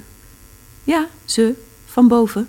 Degene die erover gaan wie wanneer mee moet, zei Hein. De vrouw knikte en zweeg. Ze keken samen uit het raam naar de bloeiende lavendel. Schrik je ervan dat ik hier ben? vroeg Hein. Had je me niet verwacht? De vrouw dacht even na. Ik wist natuurlijk wel dat u zou komen, maar nee, ik had u nog niet verwacht, niet nu al. Wanneer dan wel? Dat weet ik niet zo goed. Ik denk pas over een jaar of dertig. Ik ben nog niet zo oud. Dat weet ik, antwoordde Hein. En dat denken ze altijd, dat ik pas over dertig jaar kom. Ik kom meestal te vroeg en onverwacht, maar dat is best gek, want ik kom altijd. Iedereen weet dat ik kom, maar toch zijn mensen vaak boos of verrast dat ik er dan ben. Niemand weet wanneer, maar men gaat ervan uit dat het nog wel even duurt. Wonderlijk vind ik dat. De vrouw knikte en staarde in de verte. U bent anders dan ik had gedacht, zei ze. Hoezo? Gewoon veel minder. Tja, veel minder. De woorden van de vrouw bleven in de lucht hangen. Bedreigend, dramatisch, agressief, donker, zwart, met ogen van vuur, met een hoop bombarie en rook, met een zwarte lange cape en een zeis. Een zeis heb ik nog wel achter in de auto liggen als je dat geruststelt. De vrouw glimlachte. Ze had niet verwacht dat hij een gevoel voor humor zou hebben. Ik bedoel, u bent zo. neutraal? Ja, neutraal, zei ze. Een zwoele windvlaag bracht de geur van lavendel naar binnen. De vrouw sneuf de geur op. Lekker, mompelde ze. Vindt u ook niet? Ik kan niet ruiken, antwoordde hij. Ga je nu iets anders doen, nu je weet dat ik ben geweest? De vrouw dacht even na. In haar hoofd draaiden de radertjes op volle toeren. Zou ze nu iets anders moeten doen? Die verre reis maken, brieven schrijven, een of andere bucketlist verzinnen en afwerken? Had ze er wel alles uitgehaald wat erin zat? Hmm, iedere dag leven alsof het mijn laatste is, denk ik. Maar dat is zo cliché, zei ze. En ze nam nog een slokje van haar thee. Na een poosje stond Hein op van de bank.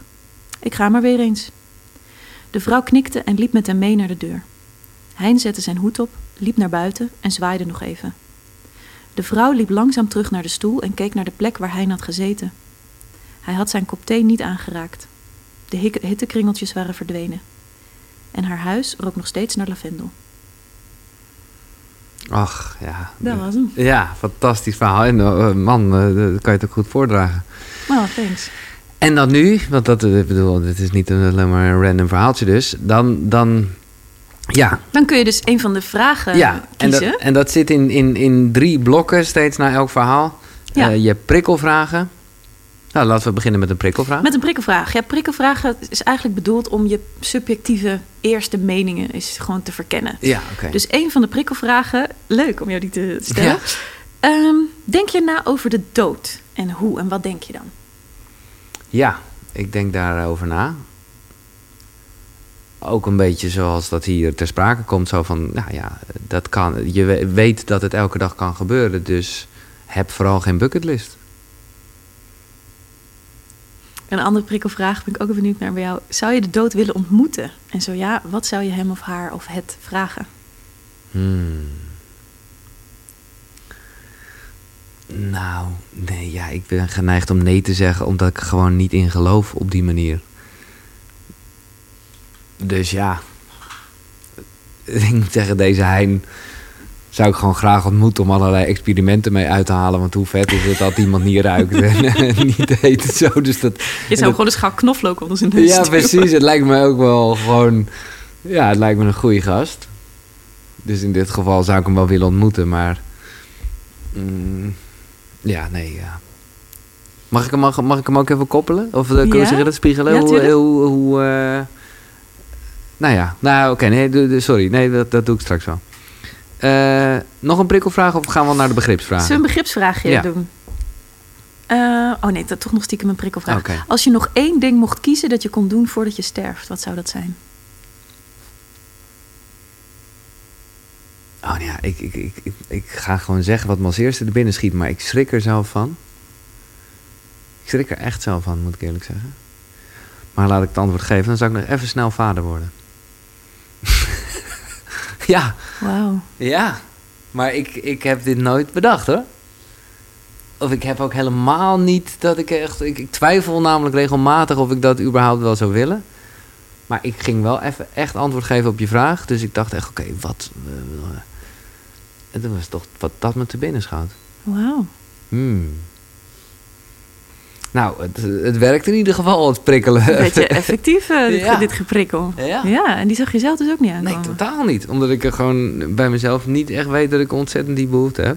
En ik heb ook niet echt die behoefte. Maar ja, als je echt de mogelijkheid hebt om nog net even iets te doen vlak voordat je weet dat het gaat gebeuren, dacht ik ja, dat is dan top.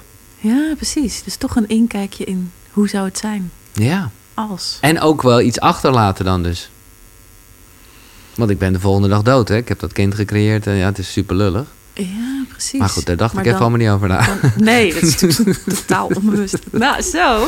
Ja, ja, ja, ja. Krijg ja. even een inkijkje in... eh, God, nou. En, oké. De begripsvragen. Oké. Bij de begripsvraag is dus de grootste uitdaging om aan de hand van de tekst je argument eigenlijk analytisch te bewijzen. Dus nu heb je de tekst niet voor je, maar in het Nee, ideale geval blader je terug en zeg je nou, dit is het geval, want hier staat zus en zus en zo. Dus bijvoorbeeld een begripsvraag hier is, is hij aardig? En ideaal gezien zeg maar kun je nu uit herinnering natuurlijk doen. Ja, maar ik ga ook even zoeken hoor. Ik heb hem wel op mijn telefoon ook. Mijn eerste reactie is eh, absoluut. En uit, wat is je argument om te zeggen: kijk maar, hier bewijst, staat bewijs dat hij aardig is? Nou, ik vind. Dus dat is mijn mening, maar goed. eh, dat als je eh, humor hebt, nou, dat kwam ook ergens letterlijk naar voren. Nou, dan vind ik wel dat je aardig bent. En hij is gewoon zacht. Hij klopt aan. Hij geeft netjes antwoord. Hij zegt ook niet: Ik hoef helemaal geen thee. Ja, oké. Dus hij is beleefd en humor is aardig. Ja. Ja, dus dat, dat is op zich al interessant. Want ik ken heel veel mensen die humor hebben, maar dit zijn lullen. dat zijn echt hufters. ja, dat begrijp ik ook, ja. Dus zo, zo kom je meteen door Wat antwoord is te geven aardig, op zo'n ja. vraag... welke Mhm. concepten jij koppelt aan aardig. En de echte uitdaging zit er maar in... als je ook probeert echt een steekhoudend argument te vinden voor de nee. Nee. Waarom is hij niet aardig? Ja, Oh, dat, is hij aardig? Nee. oh ja, dat is wel wat we vroeger altijd speelden. Dat je gewoon beide kanten moest vertegenwoordigen. Oh, dat, is perspectivistische lenigheid. Dus de ja heb je dan... Dat is je eerste go-to. En wat zou je nee dan zijn als je een argument moet geven? Oké. Nee. Want hij komt de vrouw onnodig bang maken. Of in ieder geval confronteren met de dood. Precies. Ik vind dit niet echt hoor, maar ik... ik Ja, ik- maar dat, natuurlijk vind je dat niet echt. Nee, Want je, je gaat naar één kant. Ja, oké. Alleen door deze oefening alleen al te doen, wordt je denken opgerekt. Ja. Hij komt die vrouw onnodig bang maken. Hij stelt haar nergens gerust, zou je kunnen zeggen. ja. Nou, zo kun je nog wat meer doen. Hij weigert de thee. Hij, hij drinkt geen thee. Ja, dus zo kun je zien dat het allebei Ja. Steekhoudend net hoe je het wordt. bekijkt. Juist. Ja, ja, ja, ja. En door jezelf te dwingen drie antwoorden te geven op een begripsvraag... Oké, dus moet er nog, moet er nog ja eentje, nee- moet dus nog eentje waarom hij niet aardig is. Even kijken. Of wel aardig, kan allebei. Maar bij drie moet je zowel de ja als de nee eh, pakken. Ja, ja, ja, oké. Nee, ik vind hem wel aardig omdat hij zichzelf ook maar hij noemt, omdat mensen dat meer helemaal gewend zijn. Past zich zo lekker aan. Ja. en waarom vind ik hem niet aardig? Mm. Nou. Na een poosje staat hij op van de bank en zegt hij, ik ga maar weer eens. Ja, wat is dat voor afscheid? ja. Zet zijn hoed op, liep naar buiten en hij zwaait nog even net, maar eh, Ja, dus wat is die komen doen dan? Hij is komen zeggen, het is binnenkort jouw Ja. tijd, zus. Doei. ja. Ja, dus door, door je echt te committeren aan die vraag... ontdek je hoe je denkt. Namelijk schiet je eerst naar ja. Nou, in jouw geval schiet Ja, je naar ja, sommige absoluut. mensen naar nee. Ja. Welke concepten koppel jij aan aardig? Ja. Humor en beleefd. Ja. En aanpassen. Nou, daar kun je ook eens wat kritische vragen over stellen. En omdat je ook de nee gaat verkennen... kun je uiteindelijk alleen maar uitkomen op... hey, cool, er zijn Hmm. meerdere perspectieven aan dit eh, stuk. Leuk. En de filosofische vragen zijn dan algemeen van aard. Ja, oké. Over de thema's van dit eh, verhaal. Dan hoef je, kan je het verhaal terzijde schuiven. En dan staan er vragen als... eh, ik roep er gewoon een paar, mag je één Ja. kiezen. Moet je leven alsof elke dag je, la- je laatste is? Mag je lachen om de dood? Ehm, is praten over de dood lastig? Welke opvatting over de dood geeft de meeste vrijheid? Nou, zo staan er dan in totaal Ja. tien. Ja, de eerste trekt me het meest, omdat dat inderdaad... Moet je elke dag leven alsof het je laatste is? Hè? Ja. Ja. Omdat dat echt een goede vraag is. Waarbij ik denk dat dat wel zo is. Maar dat dat niet automatisch betekent dat je heel geforceerd, extreem alles eruit moet halen. Maar dat is wat ik al zei met een bucketlist. Kijk, ik dacht zelf heel lang dat ik maar 28 ging worden. Ik weet ook niet waarom.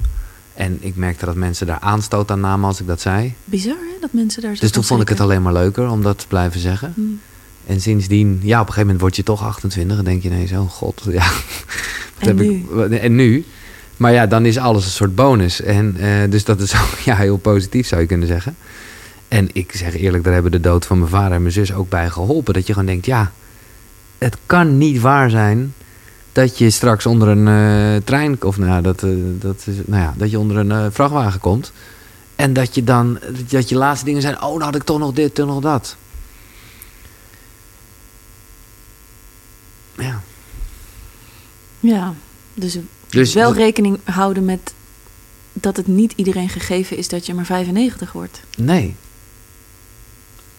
Dus ja, ik vind wel dat je elke dag moet leven als het de laatste is. Alleen hij is een beetje in mijn optiek ge, ja, vertaald naar party. Extremiteiten. Ja, Ja, waarbij we dan ook denken, partyen is leven. ja nee, exact.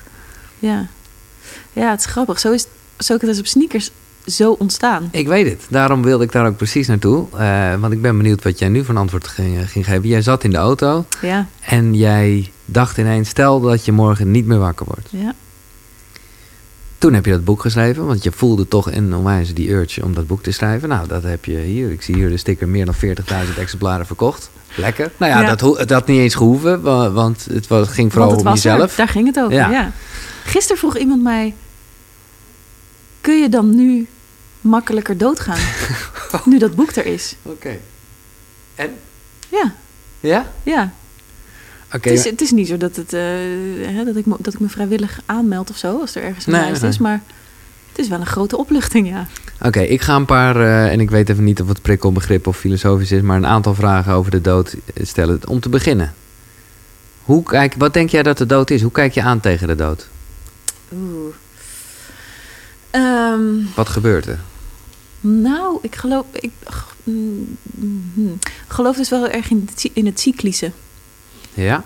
Je komt weer terug in een vorm. Ja, ergens liet je al zoiets vallen. Jij bent uit het middeleeuwen, of misschien zit er nog wat levens tussen, maar... En daar kom ik dan terug. Ja, dus Maar ben dat dan jij, of is dat hoe... ja, toch een soort ziel, Ja, denk ik. oké. Daar, mm, daar heeft mijn lieve dichteres ook een prachtig gedicht over geschreven. Over hoe je als je doodgaat moet betalen met je handen, je ogen. Sommige wezens moeten met hun veren betalen, anderen met hun snavel, anderen met Als hun... in afstaan. Ja, dat moet je weer betalen als je doodgaat. ja, ja. En dan zegt ze aan het eind, er is één ding wat niet op die lijst staat. En dat is de ziel. Mm. En ik krijg wel helemaal kipvel als, ik, het, als ik het zeg. En dat geloof ik wel. Dat er een essentie is die zich, nou ja, recycelt en weer terugkomt op, op een manier, in een vorm.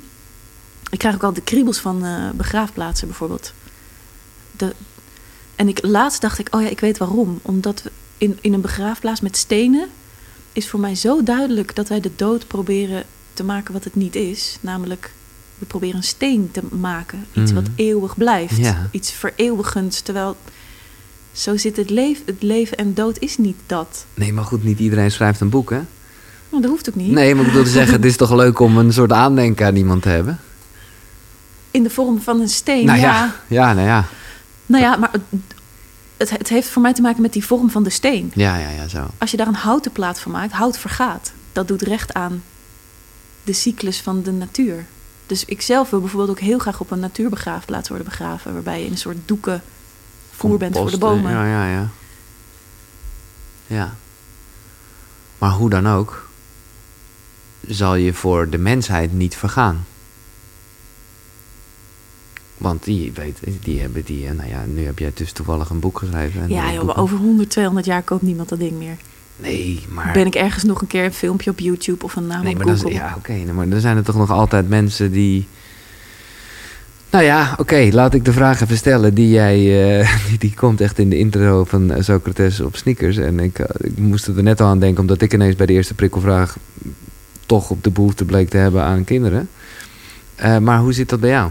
Met kinderen? Ja. Ja, dat is op dit moment echt een twijfel. Nog, nog steeds. En hoe oud ben je als ik vragen mag? 35. 35, ja. Dat Ja. is dan, eh, ja, oké. Dat is wel een, eh, een Ja. natuurlijk. In mijn hoofd en, en tussen mij en mijn vriend natuurlijk ook wel. Ja, dat, daar, daar ben ik niet uit. Ik kan wel eens... Jaloers is het goede woord niet, maar ik... Er zijn natuurlijk vrouwen, met name die dan van tien... eh, dat- Dat ze tien jaar oud zijn en dan weten wat er ook gebeurt. Ik ga moeder worden. En dat had me zo fijn geleken. Ja, gewoon als een soort missie. Ja, ja, ja. Gewoon, dat is wat ik in dit leven te doen heb. Daar gaan we. Nou, dat heb ik niet. Dus dan wordt het een nogal definitieve beslissing. Waarvan je volgens mij... Je, je kiest voor een leven of niet. En aan allebei de kanten zie en voel ik ook wel wat dat aan plezier en ruimte en verdriet meebrengt. Aan allebei de kanten. Dus ik ja, vind ik wel een soort eh, beslissing. Maar wat eh weerhoudt je er het meest van? Want ik voel, eh, je hebt het ook over ja, verdriet. Of, eh, er zit ook ergens blijkbaar een soort beperking in waardoor, je, nou ja, waardoor het nog niet gebeurd is. Oh, nee, ik bedoel meer verdriet in de zin van op het moment dat je kiest voor. Ik ga er niet voor. Ja, oh, dat is er, al, is er Oh, denk ik echt een soort verdriet van: Ja, oké, ja, dat is het leven wat ik dus niet ga ervaren. En dat is denk ik andersom net zo. Als je kiest voor kinderen, ja, heb je je er ook mee te verzoenen dat er dingen zijn die je dus Nee, niet precies. meer of moeilijker kan doen. Dus er, er zit geen groot verdriet in de zin van: het is niet gelukt of iets medisch aan de hand, voor zover ik nu weet, natuurlijk. Maar zou het zo kunnen zijn dat jullie daar thuis met z'n tweetjes iets te veel over nadenken? Ja, natuurlijk. Dat zou kunnen. En die, die, die heb ik inmiddels natuurlijk ook wel gevoeld. Van, uiteindelijk is het niet echt iets... Hè? Je kan lijstjes maken en Ja. argumenten, Ja, diagrammen... totdat je de ons weegt. Maar uiteindelijk is het gewoon een... Een gevoel. Ga ervoor of niet. Ehm, En dat is gewoon nog niet en dat ga je dan doen. Ja. En dat, dat, nou ja, dat moment is nu nog niet. Mijn vriend zei laatst... Nou, weet je... Ik zie het ons ook nog wel eens over twee jaar gewoon proberen. Ja. En dat zou zomaar kunnen. Nee, maar goed, eh, ja, ik hoef niet te zeggen wat jou weet. Oké, en ehm, daar wilde ik eigenlijk naartoe, maar daar heeft dit wel misschien mee te maken. Dus stel dat je straks weer in de auto zit en eh, heel erg dat gevoel je bekruipt van... oh, wat nou als ik morgen niet meer wakker word als hij eh, bij jou naar binnen stapt. En wel om je te halen. Is er dan nog iets? Waarvan ik vind dat ik het moet doen, creëren, Ja. hebben, ervaren. Hmm. Nou, dat, omdat dat Socrates Sneakers er nu is, voel ik me op dit moment ook een beetje zo. Nou, oké, dat, dat ei is dus gelegd. Dus, dat, dus je bent vrij om te gaan. Ja, er, nou ja, ja, er is nog geen nieuw ei. Maar als je nog één ding mocht kiezen dat je kon doen voordat je sterft, wat zou dat dan zijn? Eh, ja, misschien- dat zit hem dan misschien toch in een grote reis of zo. Oh, oké. De, de wereld, meer van de wereld zien op dit moment. En hoe, en ik proefde daar al een soort weerstand, maar eh, hoe wil je herinnerd worden? Ja, leuk dat je die weerstand. Ja, niet. Ik geloof Ja, ook maar- wel in het recht op vergeten te worden. Ja. Ja, sorry, maar dan moet je geen boeken schrijven. Ja, dat was een beetje een nadeel. ja. Ja. Nee, dat is, ja. Of een pseudoniem gebruiken. Nou ja, dat, maar nee, ik bedoel, je gaat verder dan boeken met je denksmederij. Jij, jij, jij helpt mensen, je bent een coach. Dus, dat, dus, dus eh, hoe meer mensen je coacht, hoe meer... eh, Nee, maar het- ik hoef echt niet per se herinnerd te worden als Elke Wis ehm, als persoon. Ik heb liever dat ze ondersteboven zijn van de inhoud ervan... Ja. dan dat ik het nou heb geschreven. Nee, dat zie je en dat begrijp ik ook wel. En ik, ik, ik- maar ja, zo is het nou helemaal niet. Want mensen zullen weten... oh, die ene dame van dat boek... of die ene dame van die middag met mijn bedrijf, eh, bla bla bla... die heeft me echt aan het denken gezet en daardoor... Hè? Ja, Dus eh, in wat general, wil ik dan dat ze over me zeggen? Ja, Ja, ehm, dus jij gaat tornen aan het feit of je wel of niet herinnerd wordt. Dat zeg ik bij deze. Je wordt herinnerd. En hoe dan. Hoe- Wat motten ze dan zeggen? Nou, eh, gewoon leuk wijf, maakt wel eens een grappie. en, nou ja, en wat ik natuurlijk het allerliefst hoop is, dankzij dat ene stukje uit dat boek of dat ene ding uit die podcast of training, heb ik eindelijk dat gesprek gevoerd met mijn moeder, mijn partner, mijn baas. Op een prettige manier die ergens toe leidde. Dat zou ik, ja, Nou, dat zou ik wel mooi vinden als mensen dat zeggen. mooi. Laatste vraag die ik nog niet gesteld heb, omdat ik hem ook een beetje ijdel vind. en gênant tegelijk.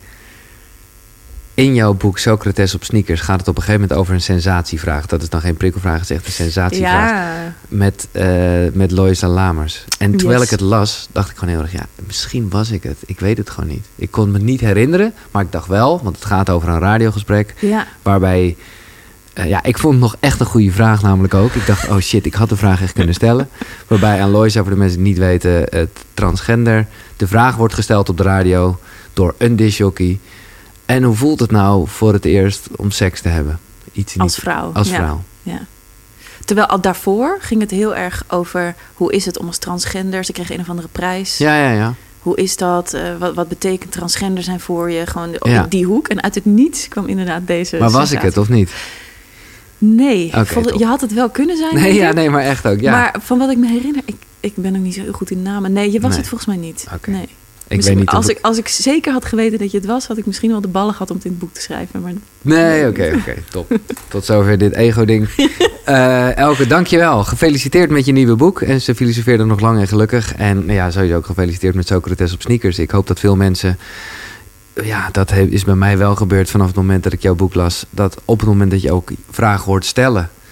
dat je al bewust bent of het wel een vraag is. Ja, en vooral luisteren. thanks. Ja, super dank. En jij bedankt voor het luisteren, eh, want dat heb je gedaan. Jij stelde geen vragen, jij zat lekker daar aan de andere kant. Eh, bedankt daarvoor. Eh, meer informatie vind je natuurlijk op de website. Dat is, komt ie Wim, koekeroe.nl inderdaad. Dus K-U-K-U-R-U.nl. Vind je het een mooi woord eigenlijk, koekeroe? Ja, Ja, toch? ik Ja, wel als- speels. Het is speels, Ja. bedankt. Ik, eh, ja, ik heb die vraag nooit gesteld, maar omdat je ook zo met taal en zo bezig bent. Eh, daar vind je ook andere afleveringen. Hartelijk bedankt voor het luisteren. Vergeet niet te abonneren. Duimpjes, hartjes, toestanden. En graag tot de volgende. Zonnegroet. Hoi. Ja, voordat je weggaat. Je hebt het hele gesprek uitgezeten. heb je jezelf al aangemeld? Zo ja, top. Dan heb ik er zin in. En dan eh, ja, voelen we elkaar 1 mei. Zo niet. Nou, trouwens, het is iets eerder dan 1 mei, bedenk ik me nu. Want we hebben nog een inkomweekend. Afijn, dat wordt allemaal duidelijk. Als je denkt, waar gaat dit over? Meditatie. Van 1 tot 10 mei. Elke ochtend en elke avond samen even inchecken. En samen even zitten. Jij thuis, ik thuis. En fantastische experts die ons begeleiden. Het zijn er meer dan 20 en ik ga ze echt niet weer allemaal opnoemen. Oh, er wordt gebeld. En maar eh, meld je aan. Dat is eigenlijk wat ik nog even wilde zeggen. koekeroe.nl slash meditatie.